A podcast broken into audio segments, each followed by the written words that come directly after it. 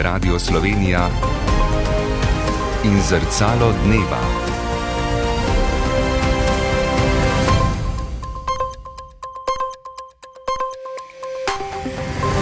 Ura je 22.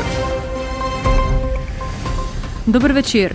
Generalno skupščino Združenih narodov je na sedežu organizacije v New Yorku nocoj nagovorila tudi predsednica republike Nataša Pirc-Musar. V govoru je izpostavila podnebne spremembe, reformo varnostnega sveta, pasti digitalne dobe in enakost spolov, ob tem pa je opozorila.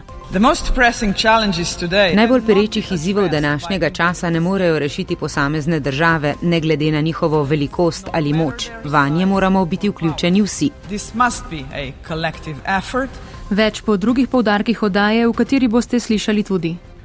V azerbajdžanski vojaški operaciji v Gorskem Karabahu smrtne žrtve tudi med civilisti. V Ljubljanskem kliničnem centru po smrti otrok s srčnimi napakami napovedali zunani strokovni nadzor. Pri umeščanju novih graden po poplavah pristojni napovedujejo prenovo poplavne uredbe. Po noči delo jasno, jutri sončno. Z vami sva Matej Rus in Urša Strle. V palači Združenih narodov v New Yorku se je torej danes začela splošna razprava na 78. zasedanju Generalne skupščine te organizacije. Zbrane državnike je pred približno eno uro nagovorila slovenska predsednica republike Nataša Pirc-Musar, ki je opozorila na spreminjajoči se svet, v katerem zaradi novih izzivov ne moremo več živeti tako, kot smo vajeni. Ob tem je poudarila. We should tackle these challenges as one. S temi izzivi se moramo spoprijeti kot eno, če bomo še naprej dajali prednost nacionalnim in zasebnim interesom ali interesom posameznih akterjev, ob tem pa reševanje globalnih problemov puščali ob strani, bomo kot civilizacija izginili. V zvezi s tem se želim na kratko dotakniti štirih vprašanj, ki zahtevajo pozornost vseh nas in terjajo, da vsi sprejmemo in izvajamo ustrezne ukrepe. To so podnebne spremembe, reforma varnostnega sveta, pasti digitalne dobe in enakost spolov the pitfalls of the digital age and of course gender equality. Dogajanje v New Yorku spremlja naš ameriški dopisnik Andrej Stopar. Nasprotujoči si interesi članice te organizacije drastično manjšajo njeno učinkovitost. Od leta 2015, ko je bil sklenjen pariški dogovor, je bilo izpolnjenih zgolj 15 odstotkov njegovih zavez predsednica Nataša Pirc-Musar. Reforma uh, uh, organizacije Združenih narodov je več kot nujno potrebna, pa ne samo zaradi vojne v Ukrajini. Uh, 55 konfliktov je po celem svetu, podnebne spremembe so pa zagotovo ena od tem. Rekli ste 15%, kar je premalo, jaz bom rekla, to je katastrofa. Sicer pa že zgolj udeležba državnikov na generalni skupščini OZN vsako leto kaže svoje vrstne razmerja moči in interesov v svetu. Veliko pozornosti tokrat priteguje iranski predsednik Ibrahim Raisi, tudi v luči aktualnega dogovora ZDA in vrnitvi ameriških zapornikov iz Irana. Če sta med stalnimi članicami varnostnega sveta z odsotnostjo tokrat presenetila Francija in Združeno kraljestvo, pa Kitajska in Rusija gotovo nista. Ameriški predsednik Joe Biden. Če bomo dovolili zdesetkanje ozemlja Ukrajine, a je potem takem neodvisnost katerekoli druge države še varna, z vsem spoštovanjem bi predlagal odgovor. Ne. Zato se moramo upreti tej razgaljeni agresiji in odvrniti vsakogar, ki bi si upal nastopiti s podobnimi željami v prihodnje. Zato bomo Združene države skupaj z zavezniki in prijatelji po svetu še naprej podpirale pogumne Ukrajince pri obrambi njihove suverenosti, ozemljske celovitosti in svobode. Generalni sekretar OZN Antonijo Guterres. Če bi vsaka država spoštovala obveznosti, ki jih nalaga listina OZN, bi bila pravica do miru zagotovljena vsakomur.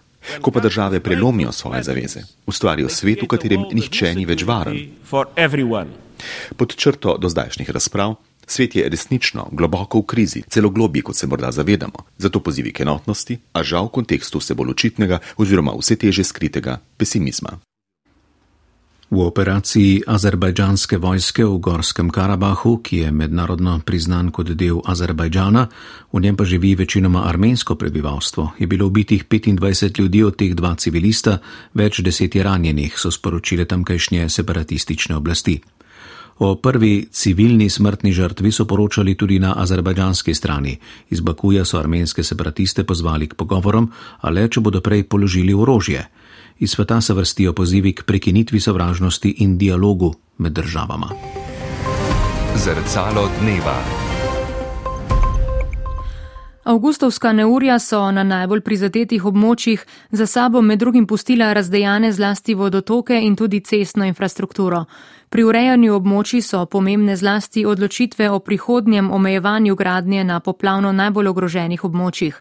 Z vprašanji, kje ponovem pustiti pot vodi, pa se soočajo tudi pri obnovi cest. Tomaš Celestina.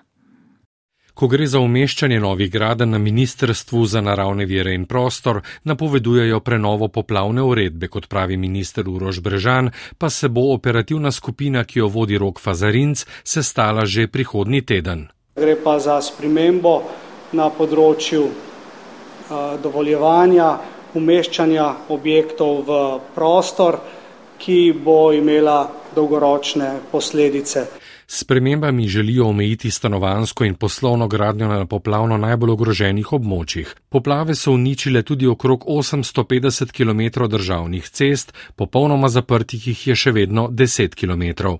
Novo umeščanje v prostor bo dolgotrajno, izvajalce gradnje bo država iskala na razpisih.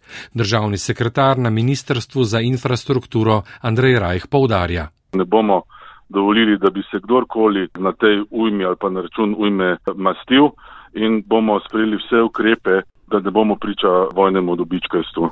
Država razmišlja o enotnih cenah, ampak takšna ureditev ni preprosta. Na Ministrstvu za infrastrukturo še pravijo, da začetih projektov ali takšnih, ki imajo zagotovljen evropski denar, ne bodo prekinjali, krčenje bo lahko zadelo nove investicije. Ljubljanska pediatrična klinika je napovedala zunani strokovni nadzor, potem ko sta julija umrla otroka s težko obliko prirojene srčne napake, ki so ju neuspešno zdravili tako v Ljubljanskem UKC, kot tudi v mednarodno priznanem specializiranem centru v Izraelu, kjer jo je operiral priznani srčni kirurg David Mišali, strokovni direktor pediatrične klinike Marko Pokoren. Doktor Mišali je ob predstavitvi primerov in tudi dokumentacije izrazil skrb glede uh, uspeha zdravljenja, a vseeno so bili kolegi iz Izraela pripravljeni prevzeti odgovornost in torej zdravljenje izvest. Žal zdravljenje ni bilo uspešno in sta otroka preminula. Starši enega od otrok so uložili uradno pritožbo, ki jo bodo predvidoma obravnavali v začetku oktobra. Na območju Škofje Loke se je okoli 14. zgodila prometna nesreča, v kateri je umrl otrok.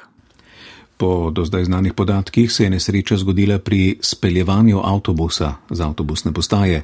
Čeprav je otroku prvo pomoč nudilo zdravstveno osebje, je zaradi hudih poškodb na kraju umrl, so sporočili z policijske uprave Kran. Policisti za voznika avtobusa vodijo postopek zaradi suma kaznivega dejanja zoper varnost javnega prometa. Sledi še prispevek športnega uredništva, v katerem bo v ospredju nogomet. Z vami bo Uroš Vovk. Prijeten večer želim. Zanimiv torkov večer s prvimi tekmami skupinskega dela nogometne lige prvakov in tudi že s slovenskim golom Benjamin Šeško je v sodnikovem podaljšku potrdil zmago Leipciga v Bernu s 3 proti 1.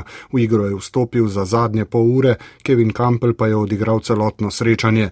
Milan in Newcastle sta se rašla brez golov. Na tekmah, ki so se začele ob 21. izpostavimo najučinkovitejši. Barcelona je s 3 proti nič proti Antwerpu povedla že do 22. minute, do 29. 20. pa je Porto v Hamburgu proti Šahtjaru vodil s 3 proti 1. Branilec naslova Manchester City po prvem polčasu proti Crveni zvezdi zaostaja z 1 proti nič, v sodnikovem dodatku je zadev Bukari.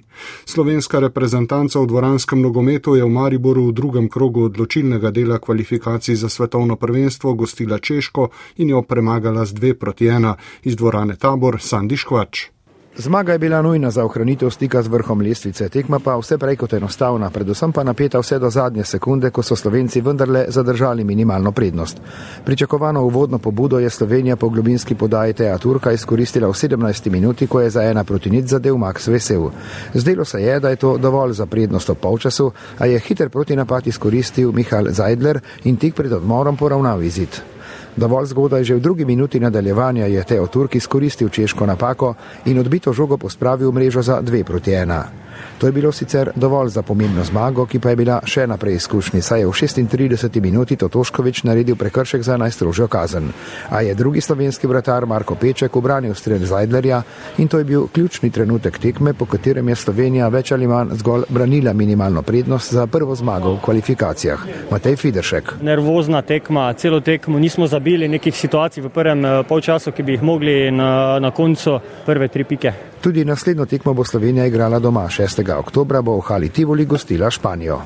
Še ena nogometna, Maribor je sporočil, da prvi zvezdnik moštva Josip Iličič ne bo več treniral s prvim moštvom, prav tako pa ni več kandidat za nastop na naslednjih tekmah. Odločitev je klub sprejel na pobudo trenerja Damirja Krznarja, so še zapisali v sporočilu za javnost. Že popovdan smo se razveselili bronaste medalje kanuistk v ekipni vožnji na svetovnem prvenstvu v slalomu v Londonu. Veslale so Alja Kozorok, Lea Novak in Eva Alina Hočevar. Šle smo le dovolj hitro, da smo lovili to tretje mesto. Jaz sem ful vesela, se mi zdi, da smo res odpeljali čisto vožnjo, čovni teku, imela sem vse čas pod kontrolo. Um, ne vem, jaz sem ful vesela, da nam je to uspelo, ker se mi zdi, da že nekaj časa sestavljamo to klepo vožnjo in lanskih nam je glih malo zmanjkalo, letos pa imamo medaljo. Kanuisti so bili četrti, kajakašice pete, kajakaši pa šesti. V vodni dan so imeli največ uspeha Britanci, osvojili so komplet odliči. Jutri do povdan bodo v kvalifikacijah tekmovale kanuistke in kanuisti. Slovenska ženska odbojkarska reprezentanca v olimpijskih kvalifikacijah v Lodžu odigrala tretjo tekmo. Proti aktualnim olimpijskim prvakinjam američankam so slovenke izgubile s 3 proti 1. Jutri se bodo pomerile z Nemkami. Hokejisti jesenic pa so v drugi tekmi Alpske lige drugič zmagali, po uspehu nad celjem so nocoj 4 proti 1 zmagali v Salzburgu pri mladem moštvu Red Bulla. Poslušali ste oddajo Zrcalo dneva, voditeljica Urša Strle, napovedovalec Matej Rus, tonski mojster